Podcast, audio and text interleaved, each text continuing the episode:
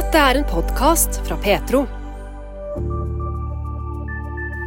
Han gikk fra status som lovsangkjendis i Norge til en mer anonym tilværelse. Rudi Myntevik reflekterer rundt sin egen reise i tro og musikk. Det har vært en ekstra kald vinter i Oslo. Frelsesarmeen har brukt sitt eget forsamlingslokale til akuttovernatting. I denne podkasten markerer vi òg at laget fyller 100 år. Vi hører om overvåkning, trusler og arrestasjoner mot kristne i Iran. Og vi spør hva nåtidens økonomistudenter kan lære av en gründer som døde for 200 år siden. Velkommen til P3-uken oppsummert for uke åtte. For 20 år siden kom hans første lovsangsplate med tittel 'Gud, din skjønnhet'. Og veldig fort så ble Rudi Myntevik en veldig populær lovsangsleder i Norge. Han ga ut fire låtsangsplater på fem år, og ble en slags kjendis i Kristen-Norge. Men så ble det stille. Hva var det egentlig som skjedde? Ja, det er Det har jeg i ettertid prøvd å, òg analysere. For det var det er ikke så lett å egentlig vite når det skjer, hva som driver en og hva som er årsakene. Men det, er jo helt rett at jeg var, jeg var sliten og lei og uinspirert. Og det er ikke rart at man blir sliten og når man reiser rundt og herjer på i mange år og det er intenst. Um, og, og, lei handlet, Jeg må innrømme det at jeg, jeg ble litt Det ble jo et det blir litt monotont. Du reiser rundt i de samme miljøene. Det, det er jo en, et lite miljø. Så jeg tror jeg har vært, var på alle slags mulige festivaler og bedehus og menigheter i landet. Og jeg har truffet så mange fantastiske folk, det skal sies. Det, er, det har vært en sann glede å få oppleve òg. Men på et eller annet tidspunkt så, så, gikk ting litt i loop. Og um, jeg hadde Jeg bar jo på noen sånne profetier som i ettertid har på en måte måttet eh, ta oppgjør med. Men det, det lå jo noe fra tidligere at jeg, at jeg, skulle krysse over i det sekulære og jeg skulle få muligheter. Og, så, så, det lå nok baki der og tenkte nok at jeg hadde lyst litt videre. Så vi flyttet jo til England og jeg begynte å hadde møter med store kristne plateselskap. Og jeg satt jo der og egentlig kjente at dette har jeg ikke lyst til. Så jeg, parallelt med dette så drev jeg og skrev andre sanger og, som ikke var typiske lovsanger. Og spilte på Open Mic Nights i London og testet ut materialet. Og, um, så, så, det var nok en slags uh, sånn parallelt uh, arbeid som skjedde på slutten der. Og, og, på et eller annet tidspunkt så sa jeg at nei, nå må jeg bare slippe lovsangen, for jeg, ellers vil jeg um, aldri på en måte kunne eh, få fokusere nok på disse andre sangene. Eh, det, og jeg merket jo det at når jeg gikk ut tydelig og sa at nå, nå, er det slutt, men jeg fikk jo stadig vekk invitasjoner. Men da måtte jeg si til folk nei, men da blir det ikke med lovsangene, men da ble det med disse nye sangene mine. Og da skjedde det noen ganger, men etter hvert så sluttet invitasjonen å komme. fordi folk ville jo at jeg skulle synge disse norske lovsangene, og det, det forstår jeg. det men jeg liksom, hadde et annet mål. Jeg ville ut eh, i den store verden med musikk, og hadde vel en slags Jeg gjorde den vel litt sånn eh, åndelig ved å tenke at jeg skulle være lys ute. Og det var ikke de syke som trengte lege, men de som var Nei, det var ikke de friske som trengte lege, men det var de syke. Og jeg skulle ut der da, eh, som kristen i denne verden. Eh, ja. Men opplevde du at de som var dine medkristne, ikke skjønte prosjektet ditt? da? Ja, det tror jeg nok. Jeg tror jeg Og kanskje um, Det som skjedde, var at jeg når jeg brukte jo masse tid og krefter og penger på en, en plate som egentlig aldri har fått noe særlig oppmerksomhet, som heter 'Beauty in Defeat'. Eh, som jeg, jeg, jobbet med i England. og Eh, jeg var jo til og med i samtaler med sjefen i Universal som fikk nyss i denne platen. For de hadde jo sett på platesalget mitt og tenkt oi, her er det kanskje noe vi kan tjene penger på. Men jeg var, ikke, jeg var ikke, strategisk eller god nok i det gamet til å få noe ut av det. Men, men når jeg først ga ut platen, så det, opplevde jeg ikke noe særlig interesse fra, fra de som hadde fulgt meg som låsangsleder. Og, og jeg tror nok det oppsto en slags eh, følelse av svik der. da, eh, At å ja, Eh, det var, det var, ikke jeg som var interessant, det var det jeg kunne bidra med. Sant? Så det utviklet seg en liksom form for um, ja, kanskje en liten bitterhet der, altså. Som jeg har sett i etterkant. Ja, bitterhet både hos deg og de som eh, var glad i, i Rudi Mynteviks lovsangsleder? Ja. Ja, jeg tror det. Også, og, og, og, det at nå var ikke jeg interessant når jeg ikke kunne eh, levere lovsangsbangers, på en måte. Så jeg, jeg ser jo i ettertid at det er jo min, det er jo, eh, min menneskelighet og, og, sårbarhet og mine u, sånn uhelbredede sider som, som, som, skaper dette. Men nå i etterkant kan jeg sitte og se på det at, at jeg ja, så, så, det oppstår noen sånn avstand mot miljøet. Jeg opplevde det, og jeg prøvde å liksom ta kontakt med Skjærgårdsgospel og, og prøvde å få inn denne musikken. Men da var det liksom ikke like interessant. og Jeg ser jo i etterkant at bare fordi man har et navn innenfor lovsang, så betyr ikke det at man nødvendigvis kan ta det med seg inn i en ny sjanger, en ny stil. Så det, det er ikke noe problematisk i dag. Men da syns jeg det var litt sånn det var litt rart og sårt. Vi skal nå høre sangen som kom ut med i 2010. Plata heter 'Beauty in Defeat'. Og den handler litt om dette her som du forteller om her. Altså, Du sier sjøl eh, om suksess, feile, eh, ikke klare motgang bl.a., ikke lykkes. Og så eh, velger du å gå litt bredere ut, og så begynner en kanskje å lure på hva skjedde med trua til Rudi Myntevik? Det òg er en del av denne her historien her. Eh, jeg husker det veldig godt, for det var et slags avgjørende tidspunkt. Skal jeg kaste Jesus òg ut fra badevannet? Men, men da grep panikken meg, og det, det, kunne jeg ikke gjøre. Så jeg kom til det punktet at jeg følte jeg hadde skrelt vekk så mye at jeg kun satt igjen med Jesus. Og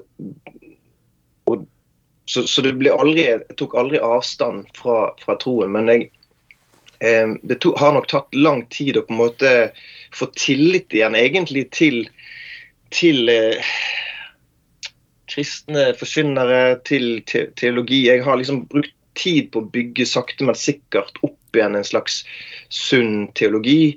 Um, har lest mye og uh, stadig vekk nærmere og nærmere tilbake til der jeg egentlig kom fra. Og kanskje det som har løsnet litt også, det var eh, å, å bli lærer og få masse spørsmål fra elever. Så jeg måtte dykke inn i eh, trosforsvar, rett og slett og, og se på den intellektuelle siden og rasjonelle siden ved kristendommen. Og det var først når det intellektuelle også på, falt på plass, at jeg fikk liksom to pilarer som, som gjorde at jeg står, aldri stått så stødig i troen som jeg gjør nå. da.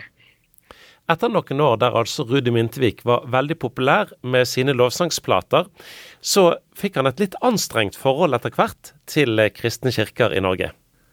Etter jeg eh, sluttet å være lovsangsleder og gikk ut med det og prøvde en annen retning, så, så, så så hadde jeg et litt sånn nærmest litt allergisk forhold til, til selve menighetskulturen. Jeg, jeg, var jo så vidt en del av det når vi bodde i England, og når vi kom tilbake igjen til Norge da, i 2010, så, så var det egentlig ikke noe jeg lengtet etter. Jeg hadde kanskje fått en overdose eh, søndagsmøter og lovsangskvelder. Og um, hadde vel en tanke om at eh, vi sang vel i overkant mange sanger, og levde kanskje litt for lite et, eh, et, et, et uh, liv som Jesu etterfølger, i den form av at han var jo veldig konkret i hvordan han forholdt seg til mennesker. og eh, hadde enormt omsorg, omsorg for mennesker som, som, ikke hadde det så bra. Så selvfølgelig så finnes de eh, Men jeg var liksom ikke en del av det miljøet. Så jeg hadde veldig behov for å, å leve et mer konkret i kristenliv. Men spesielt etter jeg fikk barn, så, så, har jeg begynt å tenke på hva skal jeg gi videre til de? Og i eh, et stadig mer sekulært eh, samfunn, der egentlig færre og færre tør å bekjenne seg som som, eh, som kristne, så, eh, så, har jeg liksom lurt på hva skal vi gjøre med, med barna, og hva skal jeg gi de videre. Så, men vi, vi, har absolutt funnet en, en fantastisk uh, gruppe mennesker her i Moss, i Frelsesarmeen, i Moss korps. Der er det masse fine folk som vi, vi har engasjert, engasjert, oss i. Og jeg må innrømme at nå har jeg ikke den samme allergien. Uh, fordi at jeg har nok modnes, fått ryddet opp litt. og kanskje ser jeg forbi noen ting fordi at jeg ser et kristent fellesskap er viktig. Man må liksom, jeg kjenner på det, Vi må stå sammen, vi som, som er kristne, fordi at vi er ikke så mange lenger. I hvert fall den opplevelsen jeg har her i Moss. Og så eh, er det godt for, an, for, barna mine å ha flere kristne forbilder enn en bare meg og mor. Så da eh, har det kjentes naturlig å engasjere seg igjen i et kristent fellesskap. Da. Nå skal vi til 2015. Da kommer foreløpig den siste plata for deg. Eh, og mm. Eh, det er en eh, historie om mormora di. Hun har vært en del av livet ditt. Og det er Nå skal du få lov å fortelle litt om mormora di, men, men, det er en liten rød tråd mellom ditt liv og hennes liv. For, for dette gudstrua og det å være at den er så viktig, det, det er noe dere har felles? Hun var en fascinerende dame som um, hadde et veldig nært forhold til. og um, Hun um, er jo fra Skottland. Traff min uh, morfar i Skottland under andre verdenskrig. Kom til Norge og uh, de uh, mistet sitt første barn. Det var ikke mer enn et par år gammelt. Og så fikk hun jo De fikk jo syv barn til, deriblant min mor. Uh, og mistet mannen sin tidlig og har fulgt rett og slett seks barn til graven. Um, nei, fem barn til graven. Um, barn nummer seks døde rett etter hun var begravd. Så det er bare min mor igjen som, som overlever av åtte søsken. Så hun hun har, har, har virkelig hatt motgang og, og hatt det tøft og opplevd mye sorg og smerte. og Det var jo eh, litt av oppveksten min òg. Å gå i begravelser og, og, høre at nå har den fått kreft, og nå har den fått kreft. Og så er det en lang periode før den dør, og så er det sorgen etterpå. Så det hele, hele oppveksten min har jo vært preget av sykdom og død.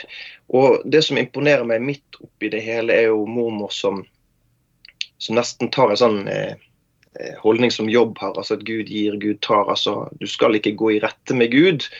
Og I dagens terapeutiske kristendom så er jo det kanskje ikke så, eh, så innafor å, å, å, å, si det. Men det var en imponerende et sånt imponerende evighetsperspektiv der hun var overbevist om at hun skulle få se alle igjen i himmelen. og det har, eh, Den troen der har virkelig virkelig imponert meg og inspirert meg.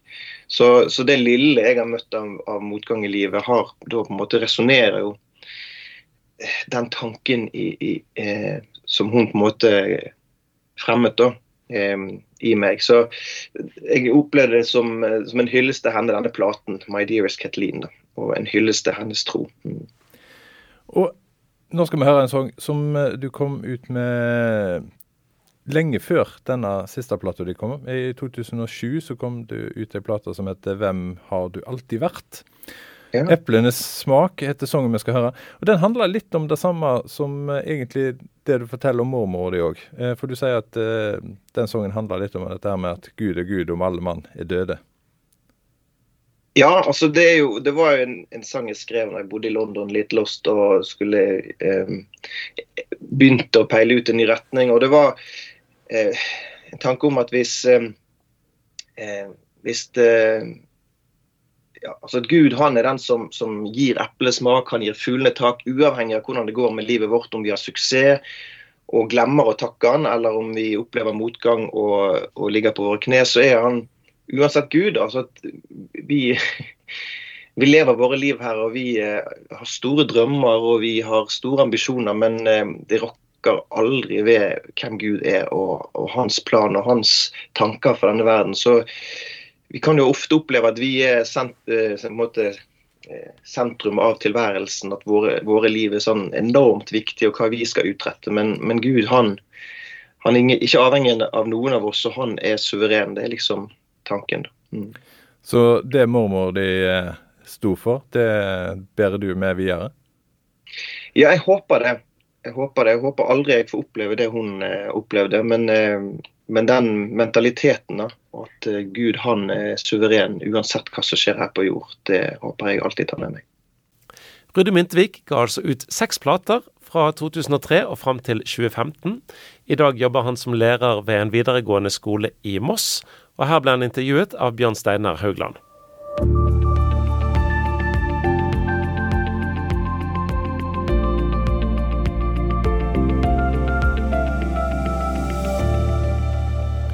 Denne vinteren så har det vært ekstra kaldt i Oslo-området.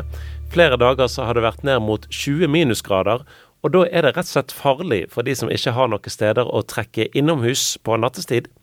Heldigvis så har vi organisasjoner som Frelsesarmeen, og sammen med Oslo kommune så har de ordnet sengeplasser til alle som har trengt det. Det forteller assisterende kommunikasjonssjef Andrew Hannevik i Frelsesarmeen. Vi har i samarbeid med Oslo kommune så har vi akuttovernatting i eh, Frelsesarmeen Tempelet midt i Oslo sentrum, som er forsamlingslokalet vårt. Eh, der blir det satt ut uh, senger uh, og tepper, og det blir servert kaffe og litt enkel mat til de som har behov for akuttovernatting. Og det er jo gjerne folk fra utlandet som ikke har noe oppfølging og noe annet tilbud da, i Oslo når det blir ekstra kaldt. Mm. Så hvor mange har det vært på det meste der? Det har vel vært en rundt 25, tror jeg, på, på, det meste. Og så har det variert litt. Så det går litt opp og ned. Vi er ikke aleine om å ha sånt tilbud, men, eh, men eh, ca. 25 tror jeg på det meste. Det er jo ikke bare kulda som har vært et problem denne vinteren. Eh, også økte priser, både strømpriser og matpriser osv. Har dere merka en stor økning i antall mennesker som trenger hjelp?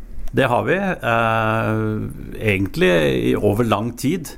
Over flere år nå så har det vært stadig økende, men ikke minst også nå i år hvor eh, rentene, eller i fjor, da, hvor rentene har gått opp og som du sier, strømprisene har økt, matpriser har økt.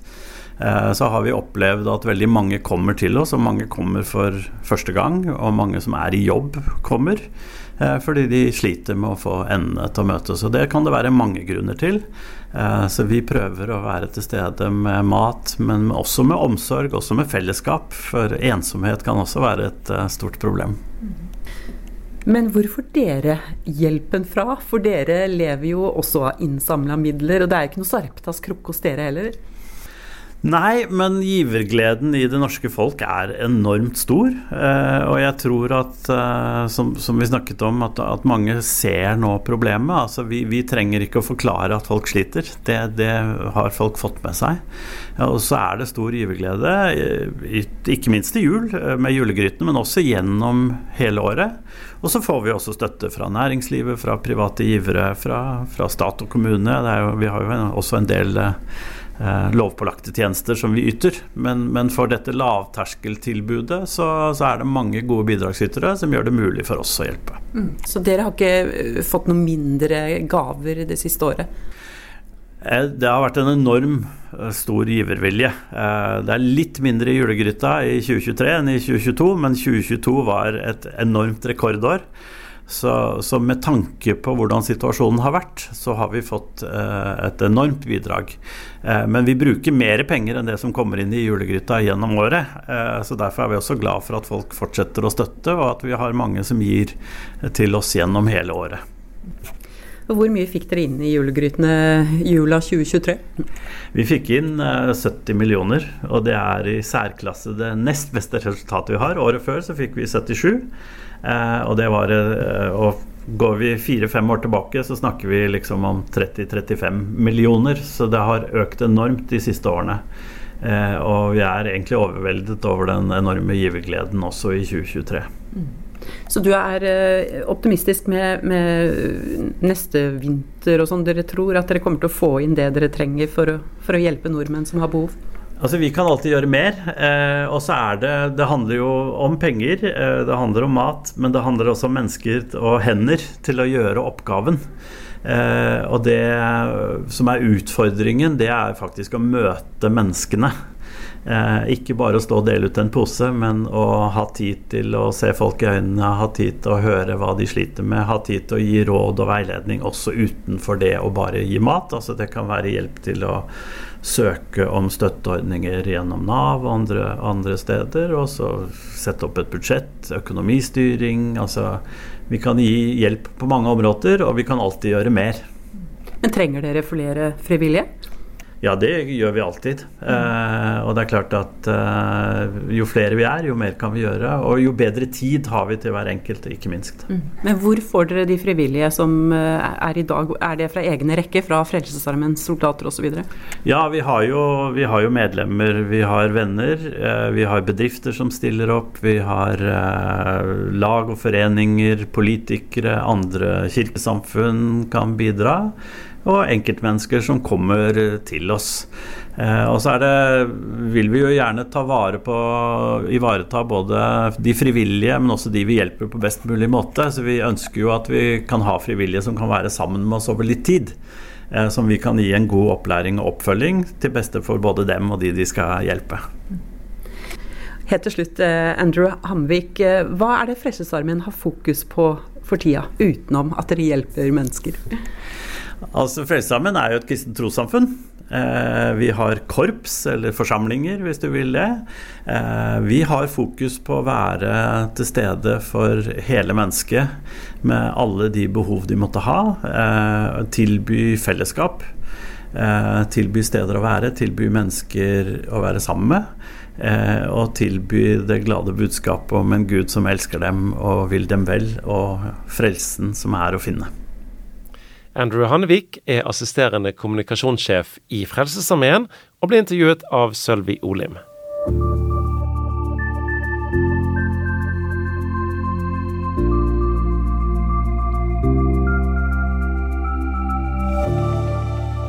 Nå til kristne sin situasjon i Iran. Overvåkning og trusler, arrestasjoner og beslaglegging av bibler er trender som kommer fram i en årlig rapport om rettighetsbrudd mot kristne i Iran. Rapporten kommer denne uken og er utarbeidet av fire organisasjoner som jobber med religionsfrihet, deriblant Christian Solidarity Worldwide og eh, Åpne dører, eller altså Open Doors. Johannes Morken jobber som redaktør i Stefanusalliansen, som òg jobber med denne type spørsmål. Og han sier at trenden er en økning i arrestasjoner av kristne i Iran i løpet av fjoråret, altså 2023. Trenden er at det er flere arresterte enn året før. 166 ble arrestert. Mange slapp ut igjen etter avhør og varetekt. Det, ble, det, var store arrestasjonsbølger, og det var litt nytt. Fordi det var stille første halvår, og så var det ca. 100 som ble byra inn i noen sommermåneder, og så kom det et nytt rush ved juletider. Så det har som sagt vært en kraftig oppgang i de som har blitt taua inn eh, til avhør og varetekt. Det er en viktig trend. Og en annen trend er at de, eh, de går etter bibler. Ikke beslaglegger og sannsynligvis ødelegger bibler. Og det er sterke historier om hva de blir utsatt for som har sittet i varetekt og slipper ut igjen mot kausjon. Hva overvåkning og trusler de blir utsatt for. De som opplever dette her, da, er det Eh, mennesker som har konvertert fra islam til kristen tro, eller er det folk som har vært kristne og, og tilhørt disse minoritetskirkene i Iran i mange år? De som blir arrestert, de, det vil si de aller fleste av de som blir arrestert i Iran, er konvertitter, altså de som har muslimsk bakgrunn. Og de blir eh, Altså huskirker, som eh, som de lever i, for de har ingen eh, kirkebygg de lovlig kan gå inn i, de som har muslimsk bakgrunn. De blir ofte ansett som en trussel mot nasjonal sikkerhet. Men disse to, to små minoritetene, armenere og asyriske kristne, de er godkjent så lenge de forkynner på sitt eget språk, etniske språk, og holder seg i kirkene sine. Så langt, Dersom de slipper inn konvertitter i kirkene, begynner å ta ansvar og lede de, så er de like hardt utsatt som konvertittene. Og blir bura inne, arrestert og kan få langvarige fengselsstraffer. Men vi ser litt på, på trender nå i, i, forhold til mennesker som konverterer fra islam til kristendom. Eh, hvordan ser det bildet ut? Altså, I 1979, da når uh, ayatollah-regimet kom til makten, så var det, vel, var det veldig få kristne med, uh, med, muslimsk bakgrunn. I dag så er det kanskje en million av de det finnes en undersøkelse, en spørreundersøkelse, ingen vet jo helt sikkert, som kan tyde på at det er så stort omfang. Så det har vært en veldig sterk vekst. Og Denne veksten har jo gjort at uh, ayatollah-regimet i Teheran ser på dette som en trussel mot regimets og nasjonal sikkerhet, som de sier. Altså Dette er utfordrer deres regime som bygger på en islam og hardhendt islam, shia-islamsk tolking. Og Derfor så har det jo vært mange arresterte. Eh, en god del folk som sitter inne med 5, 10 og 15 års straffer. Eh, straffene er blitt, for de som da blir dømt eh, og fengsla, straffene er blitt lengre. Men de har jo ikke plass i fengsla til alle, så de, de fleste arresterte blir sluppet ut igjen mot kausjon.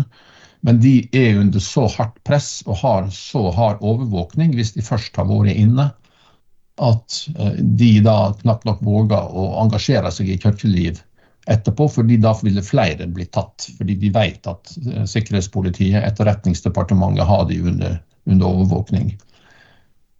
For 14 år siden så var det en siste som da ble dødsdømt for frafall fra islam. Den dommen ble omgjort, så nå er det sånn type ulike trusler mot nasjonal sikkerhet eller være med i en ulovlig forsamling som er, eller, eller skal vi si, støtte en, det de kaller en sionistisk kristendom eller utenlandske interesser. Den type anklager er de blitt dømt for, og de som blir dømt til fengselsstraff, kan sitte inn i 5, 10 og 15 år. Hvordan blir de behandla i fengsel, har du inntrykk av det? Svært mange av de rapporterer om det som blir omtalt som hvit tortur.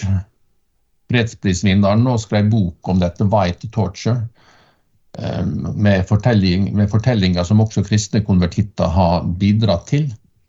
Og det er et veldig psykisk press i små celler i isolat og lys på og av og trusler mot familien din. Går du noen år tilbake, så finnes det også historier om fysisk, eh, fysisk mishandling. De siste ti åra kanskje aller mest den psykiske torturen eh, og det presset som det er for å angi andre og trua med at det skal gå utover barn og familie. Men eh, når, når, tallet på kristne som òg mennesker som konverterer fra islam til kristen tro, det øker, forteller du. Så må jo det bety at uh, det å arrestere folk og, og gå etter folk uh, når det gjelder dette her, det er ikke helt nytta for myndighetene. Da er det feilslått for dem? Altså det er jo feilslått i den betydningen at de da ikke har skremt kristne til ikke å dele sin tro. Uh, og det er vel sånn, kanskje både i Saudi-Arabia, som da er det, det sterke sunnimuslimske regimet, og det shia-muslimske Iran, at den harde religiøse tvangen som de utsetter folk for, at folk skal følge deres strenge tolking av hver sin muslimske retning, gjør folk trøtte og lei. Og, og at fredelige demonstrasjoner for rettigheter i Iran blir slått ned med brutal makt det er klart gjør folk lei, og en del forlater jo religion totalt. Orker ikke mer av brutal politisering av religion, mens andre velger annen tru enn shia, ayatollahenes tru. Og da kan velge å bli med i huskirke under dette regimet. Kan vi snakke om en, en kristen vekkelse som pågår i Iran i dag? Altså Hvis du da ser tilbake fra 79 til i dag, så har det klart at det har vært en vekkelse. Det har vært en veldig vekst. Det var ikke så fryktelig mange den gangen. Eh, så det, kan du vel, det ordet kan du bruke hvis han tar utgangspunkt i da, et tall som en tysk spørreundersøkelsesrapport ga, at det er blitt en million så over, altså over 40 år. Så er det betydelig. Det sa Johannes Morken, redaktør i Stefanusalliansen, i forbindelse med årsrapporten om rettighetsbrudd mot kristne i Iran. Reporter her var Inge Kallestad. Du lytter til en podkast fra Petro. Vi ønsker å formidle tro, rotfestet, redelig, reflektert og relevant, slik at du blir inspirert til etterfølgelse av Jesus. I tillegg til podkaster og webradio kan du høre Petro på DAB 24-7 mange steder i landet. Hva kan nåtidens økonomistudenter lære av en gründer som døde for 200 år siden denne våren? Faktisk ganske masse, mener NLA-høgskolen, for de har kalt hele sin økonomiutdanning opp etter den legendariske forkynneren og forretningsmannen Hans Nilsen Hauge. Hauge School of Management har allerede studietilbud i Oslo og i Kristiansand, og nå starter de òg opp i Bergen. Prosjektansvarlig i Bergen heter Jon Olav Økland, og han ser Hans Nilsen Hauge som et stort forbilde i økonomifaget. Mange kjenner Hauge som en eh, stor forkynner og eh, forfatter eh, av kristen litteratur, og det var han. Og så var han òg en enorm gründer og sysselsetter. Han bidro til massevis av arbeidsplasser og virksomheter rundt om i hele, hele Norge. Så Hauge som gründer og som leder er en av en betydelig skikkelse i norgeshistorien. Ja, hva var det med det som Hauge gjorde som, som er verdt å, å, lære av for de som skal jobbe med den type ting i 2024 eh, og videre? Hauge var uh, utrolig opptatt av inkludering. Han uh, sysselsatte mennesker med funksjonshemming på en helt annen måte enn det som var vanlig på 1800, tidlig på 1800-tallet. Og så var han òg forut sin tid når det gjaldt ansettelse av kvinner. Han mente det at at arbeid var et gode som, som alle burde få, få, mulighet til. Og, og, dermed så bidro han til enorm sysselsetting i, i Norge på tidlig 1800-tallet. Så leste jeg òg på, på, nettsidene til Haugeskole og Management at en ønsker at eh, studentene skal bli opplært til å ha en, et høyere mål for, for det en driver med, enn en bare profitt. Eh, er det òg en link til Hauge? Ja, det, det, handler jo om eh, hvilke målsetninger man har. Sant? At penger og kapital er ikke et mål i seg selv, men et middel for å, å nå målet. Sant? Og Hauge var opptatt av det å skape verdier for samfunnet og bygge samfunnet. og Det er jo det vi òg er opptatt av ved Haugeskolen for Management. At når man utdanner ledere og økonomer, eh, så, så, skal man ha høyere mål enn kun, kun sin egen lommebok. Da. Eh, og det er noe av det vi legger sterkt vekt på òg i utdanningsprogrammet, at man blir, eh, blir utfordra til å tenke kritisk, til å tenke selv og til å møte etiske problemstillinger som gjør at når en kommer dit i arbeidslivet, eh, så, så, har man mye lettere for å, å ta, ta, med det etiske når en møter disse problemstillingene. Så har, eh, har NLA allerede hatt økonomi- og administrasjonsutdanning i i Kristiansand noen år, og i Oslo litt eh, flere år. Nå starter en òg i, i Bergen. Hvorfor det? Ja, Det er jo litt sånn historisk å, å se at en starter økonomi ved eh, NLA her i Bergen. Hauge han hadde jo kjøpmannsbrev i Bergen, så på mange måter så kommer jo eh, Hauge School of Management eh, til sin rette plass her i Bergen, der eh, Hauge drev handelsvirksomhet. Eh, vi ser jo at det er en enorm interesse for økonomifaget, eh, både nasjonalt innenfor de andre høyskoleuniversitetene, men òg innenfor NLA så ser vi at, at søknadstallene er ganske store til denne linjen. Og vi tror at det òg er mange som vil være interessert i eh, å studere ved Høgskolen for Management i Bergen. og så Derfor oppretter vi Høgskolen for Management nå fra høsten 2024. og Søknadssamordna eh, opptak er åpen, og der er det mulig å søke eh, allerede i dag.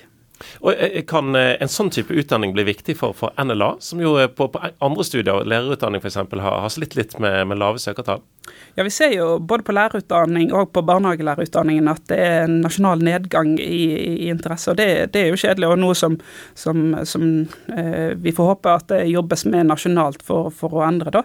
Eh, så, så tror vi at eh, det å få inn økonomiutdanning på, på, campus her eh, i Kalfar i Bergen kan være positivt og eh, i NLA-systemet og eh, for studentmassen at en, en får flere, flere studenter til, til, campus. Så vi skal nå forsøke å bidra med, med vårt, og så satser vi òg på at interessen for lærerfaget tar seg opp igjen.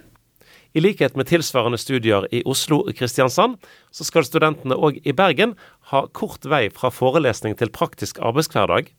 Studieturer, mulighet for praksisutplassering og ikke minst mentoring skal bidra til å koble teori med praksis, sier Jon Olav Økland.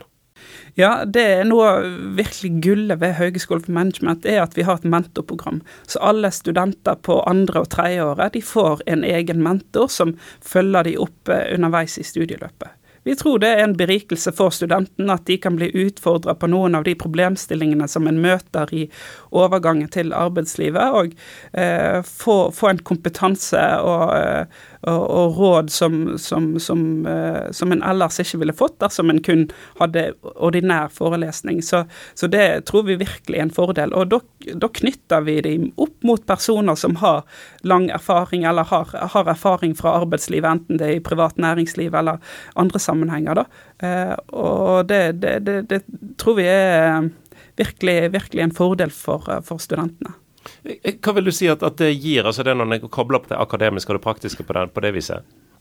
Nei, det, det, det, er jo, det, er jo, mange eh, problemstillinger eh, som, som, en har i, i, livet når en eh, går ut av er ferdig som student. Eh, hvordan, hvor en skal jobbe, og, eh, og, og, og det hvilke valg en skal ta for, eh, for, valgfag, og hvilken retning en skal søke innenfor arbeidslivet. Det er mye sånne problemstillinger som, som kan være vanskelig å ta på egen hånd. og det å ha noen som har erfaring fra både studiet, men òg fra, fra, fra, næringsliv eller arbeidsliv noen år, og sparre med de i møte med disse problemstillingene, tror vi er en berikelse som en ellers ikke ville fått på samme måte, kanskje hvis en, en snakker med foreldre eller eh, forelesere. Eh, så det, så det tror jeg eh, er en, en virkelig fordel for, for mange av våre studenter. Eh, NLA har jo alle slags studenter, eh, eh, men skole i seg selv har jo likevel en kristen forankring. Det å drive med, med økonomiutdanning, hvorfor er det et poeng for, for en skole med en kristen forankring? Ja, Det er et utrolig godt spørsmål.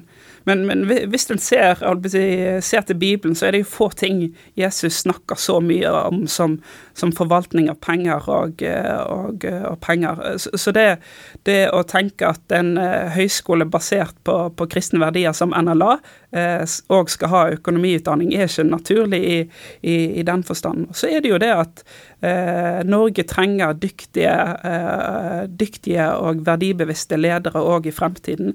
Og det at NLA kan være med å utdanne eh, ledere som er etisk bevisste, som har eh, høyere perspektiv enn kun sin egen lommebok, det, det, tror vi eh, er et gode òg for, for samfunnet og for landet. Hans Nilsen Hauge, som du da gir, gir navn til, til, denne utdanningen, han hadde jo den kombinasjonen virkelig framme. Altså han var en, en forkynner og en, en gründer samtidig. Ja, sant. Han, eh, han, hadde jo virkelig disse to, to, to, aspektene. Ser man på motivasjonen bak eh, Hauge sin virksomhet, både den, den eh, næringslivsmessige og det gründerskapet, men òg det, det, kristne, så bundet det jo mye i, i, i den åndelige motivasjon. Han, han, eh, han, har opplevd et kall til å påvirke og dra Norge i en positiv retning. Eh, og det gjorde han både gjennom den forkynnelsen og den uh, møtevirksomheten og litteraturskrivingen han hadde da, men ikke minst gjennom å skape verdier. Så det er jo litt det der ånd og hånd, hånd i hånd. Sant? At en, en, en, tenker helhetlig på samfunnsbygging, som, som Hauge var en pioner innen. Nå er det altså Sørlandsristen 15. Eh, april. Du er ansvarlig for eh, det med å bygge opp høgeskole og management i, Bergen. Hvor spent er du på hvilket antall og hva slags søkere du, du, får eller ikke får de neste ukene? Vi er utrolig spent på, på interessen for, for høgeskole for management i Bergen. Men vi tror, tror oppriktig at det er en ganske stor interesse, nettopp fordi vi ser det ved de andre studiestedene til den NLA, men òg fordi at det er en nasjonal trend. Så vi tror at vi vil få gode søkertall til Bergen. Og så ser vi for oss en ramme på rundt 50, eh, 50 studenter i Bergen. Og så får nå søknadstallene vise det de, det de, gjør, da. Men vi tror, eh, tror virkelig at det er en interesse for dette faget. Og Det er altså til høsten at eh, NLA Høgskolen sin økonomiutdanning òg utvides med studiested i Bergen. Vi hørte Jon Olav Økland, som er prosjektansvarlig.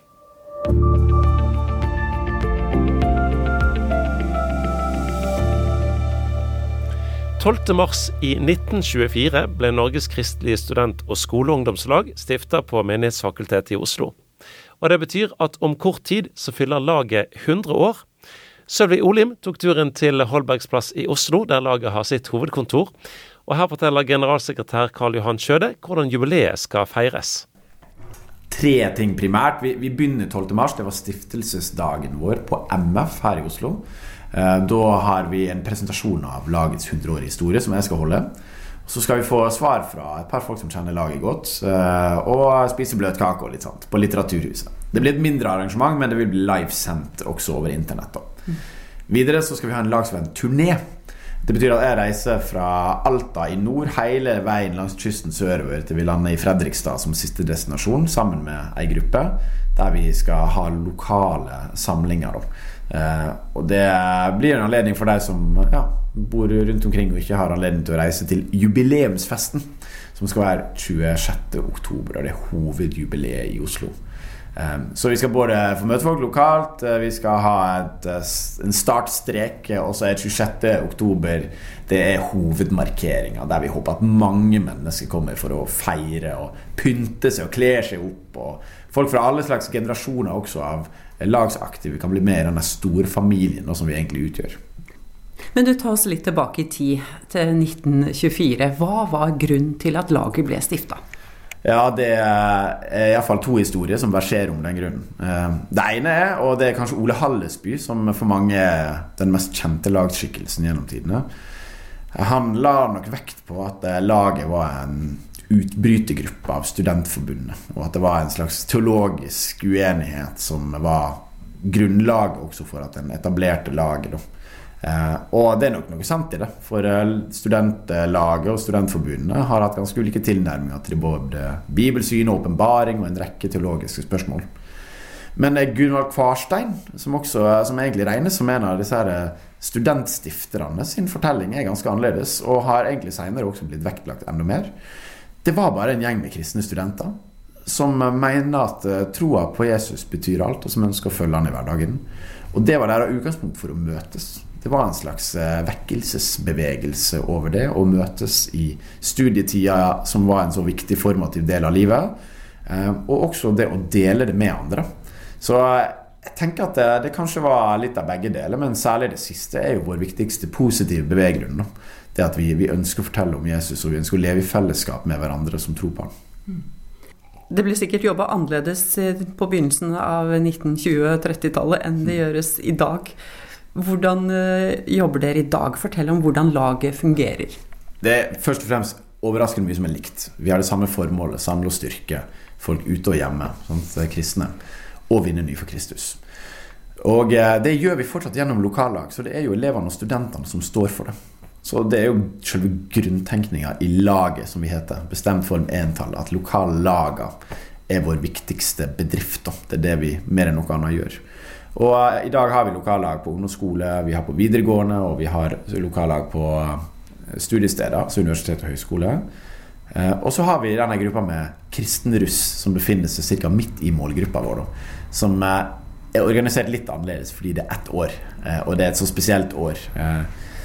Og det, det, som skjer rundt omkring i laget, er lokallagssamlinger, andakter på skolen, som vi i mye mindre grad enn før får lov til å besøke som voksenpersoner, men der um, innenfor rammen av opplæringsloven og også innenfor den tradisjonen vi står i, så er det stor aksept for fortsatt å ha lokallag rundt omkring på skolene. Og det håper vi at det vil fortsette å være. Så det satser vi fullt ut på. Vi vil være på skolen, på studiestedet, og vi vil følge Jesus der. Uh, og alt annet rundt er på en måte støttefunksjoner for å bidra til det, utenom kanskje én ting. Det er at vi har satsa veldig tungt på et konsept som heter grillingkrisen. Og uh, det er mer en sånn direkte eh, altså en direkte sånn samfunnstjeneste vi ønsker å yte. Vi ønsker å bidra til at skolen skal være kunnskapsfundert, eh, også i forhold til fortellingene om kristen tro. Så Derfor tilbyr vi det konseptet her til, eh, altså til skoler eh, som en del av klasseromsundervisninga, og, og, får jo ganske mange positive svar på det. altså. Men hvordan er det egentlig? Vi har jo hørt i media av og til at eh, det er ikke alle skoler som er veldig positive til at det er skolelag i f.eks. langfriminuttet. Mm. Hvordan er det i dag? Jeg opplever at det er en slags sånn her sekulær blindsone om du vil, hos mange skoleledere, som bare antar at en en gang blir snakk om noe religiøst. Eller forkynnelse. Sant? Det er sånne triggerord. da. Eh, eller Bibel. Det var, det var en kontrovers rundt bibelutdeling som forrige kunnskapsminister sendte ut rundskriv til alle landets skoler om at de skulle slutte med. da. For det kunne forstås misjonerende eller forkynnende at en bibel ble gitt fra noen som faktisk mente det som sto i Bibelen. Og, og, egentlig tenker jeg at en sånn definisjon er ganske hårreisende. fordi at vi anvender det ikke på noen andre områder enn det helt konkret religiøse og kristne. Så det er en frykt først og fremst opplever oppleve uh, ute i mye av Skole-Norge knytta til det her å trå feil i forhold til religion, og da inntar han en restriktiv rolle til det. Og så er det en kunnskapsløshet i forhold til hva opplæringsloven faktisk sier. Bare siste uke to eksempler på skoler som, som sa til elever at det er forkynnelsesforbud i norske skoler. Det er jo bare tull. Det står i den nye opplæringsloven som går i effekt fra august, at eh, opplæringa i norske skolen skal ikke være forkynnende. Eh, men det betyr jo ikke at de ikke kan snakke om hva de vil i friminutter. Herlighet, det griper jo i så fall inn i den aller, aller, aller eh, dypeste essensen av ytringsfriheten. da.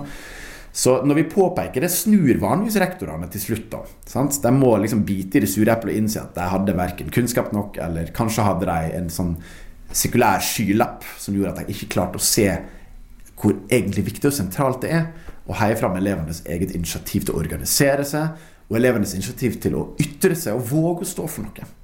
I det som er kanskje vårt viktigste våpen mot vår tids ekkorom, nemlig skolen. For der møtes alle. Alle må gå på skolen. Det, det er ikke et valg, det. Selv de som ikke liker å gå på skolen, som jeg i perioder gjorde. Um, vi må også gå der, og du må brynes på hverandre. Og hva er vel da bedre enn at elevene sjøl kan få lov å representere det de tror på? Jeg syns det er flott.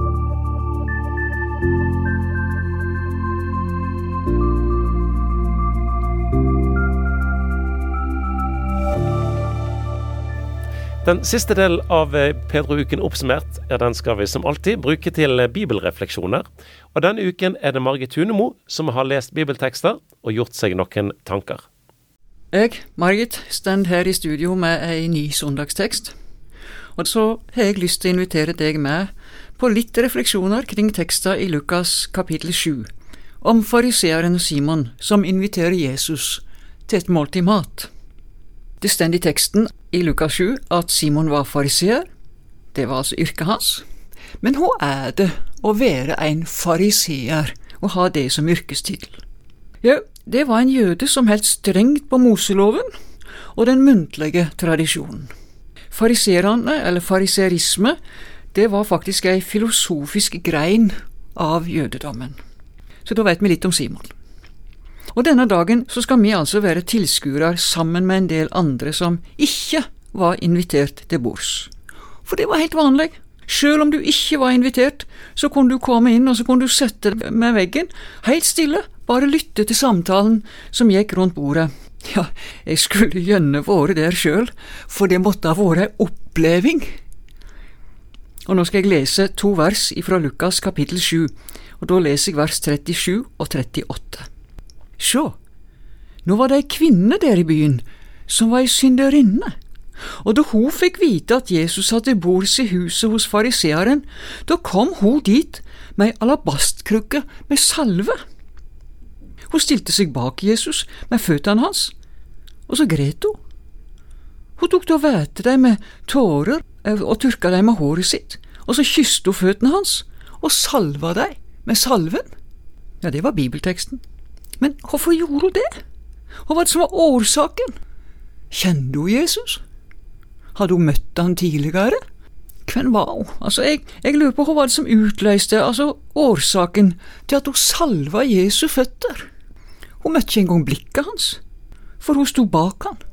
Hun sto ved føttene hans. Underlig.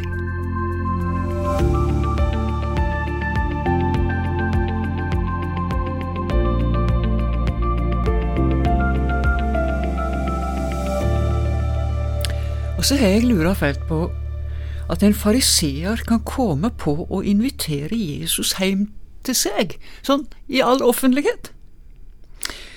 Kan årsaken være at Simon har blitt nysgjerrig på denne karen som vitner om Johannes døyperen og seg sjøl? Ja, har Simon beint fram blitt nysgjerrig, eller forveten, som de sier på Jæren?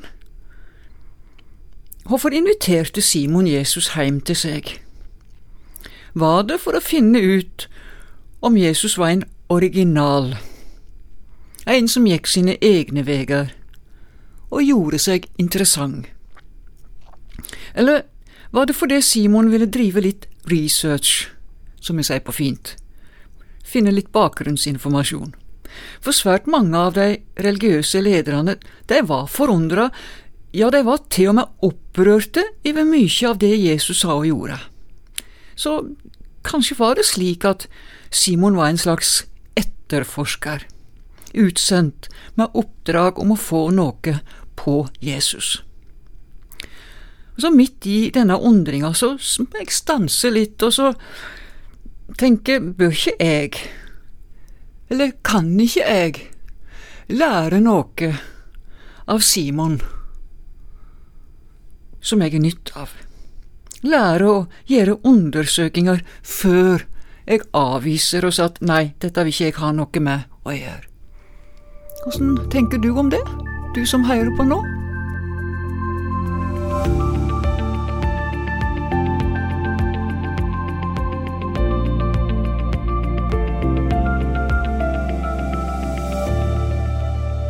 Prøv å se det for deg. Du har invitert en mann til et måltid mat. Du vil finne ut hvorfor en kar dette er. For folk går jo mannen av huset for å høre han, bare for å se han. Ja, de ber til og med sjuke til han for at han skal gjøre dei friske. Det skjer så ubegripelig mye rundt denne mannen. Er han en profet? Altså utsendt ifra Javé, som jødene sa, og vi sier Gud? Eller er han bare en folkeforfører? Uansett, han utfordrer det meste av det fariseeren Simon vier livet sitt til, nemlig å holde Moselova strengt. Kan han utfordre deg og meg òg, som er opptatt av rett og galt? I Lukas kapittel 7 og vers 39 i søndagsteksta så står det slik. Men da fariseeren hadde bedt han, Jesus altså, til seg, så dette, sa han med seg sjøl, var denne mannen en profet? Da visste han hvem hun er, hva slags kvinne hun er som tek på han, at hun er ei syndig kvinne. I hodet til Simon er det kaos, og det kan du forstå.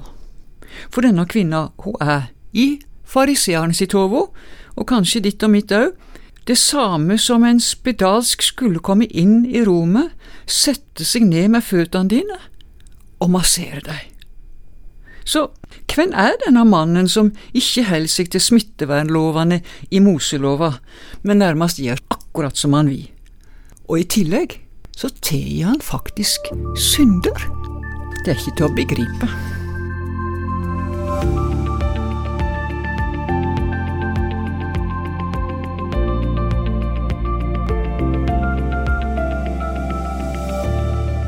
Akkurat denne dagen, nettopp nå, så har Jesus noe som han vil si spesielt til deg og meg. Jeg skal lese ifra Lukas kapittel 7, vers 41 og 42. En som lånte ut penger, hadde to som sto i skuld til han. Den ene var skyldig 500 denarer, den andre 50.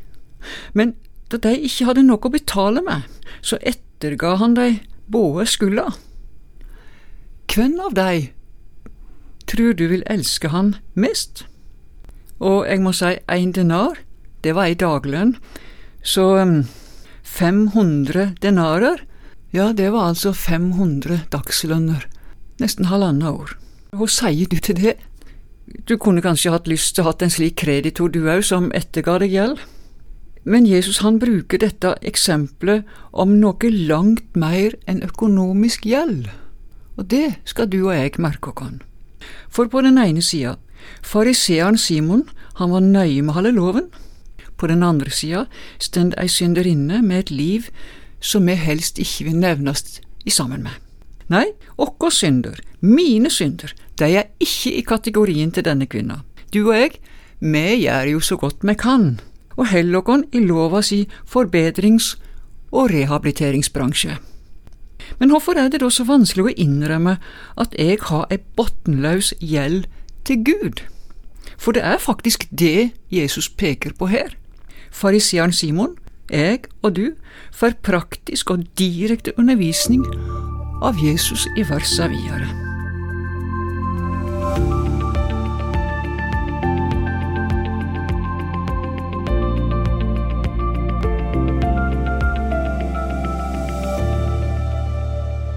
Teksta for kommende søndag har ei avslutning med to motsetninger. Det handler om fariseeren Simon det og det han ikke gjorde, og på den andre sida synderinna det hun gjorde. For hva gjorde denne kvinna som gikk inn i huset til en lovlærer? Jo, hun vette Jesu føtter med tårer, og så tørka hun dem med håret sitt. Hun kysste føttene hans hele tida fra han kom inn, eller fra hun sjøl kom inn, da, og hun salva føttene hans med salve. De mange syndene hennes er tilgjevne, derfor elsker hun mykje, sier Jesus, og videre, men den som har fått lite tilgitt, elsker lite, sier Jesus i vers 47.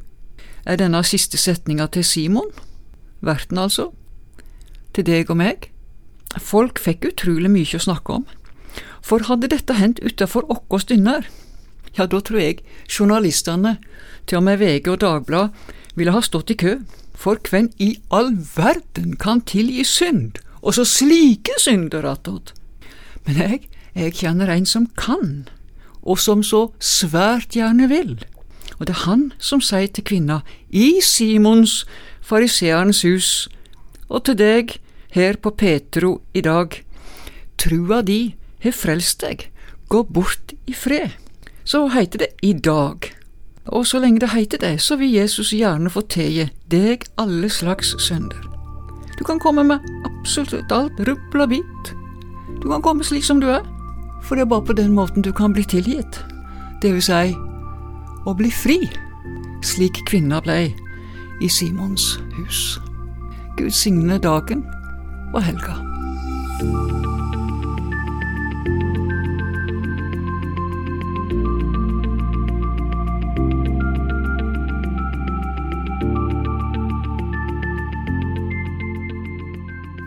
Du hørte altså Margit Hunemo. Jeg heter Bjørn Inge Sagstad og sier tusen takk for følget i Petro-uken oppsummert for uke åtte.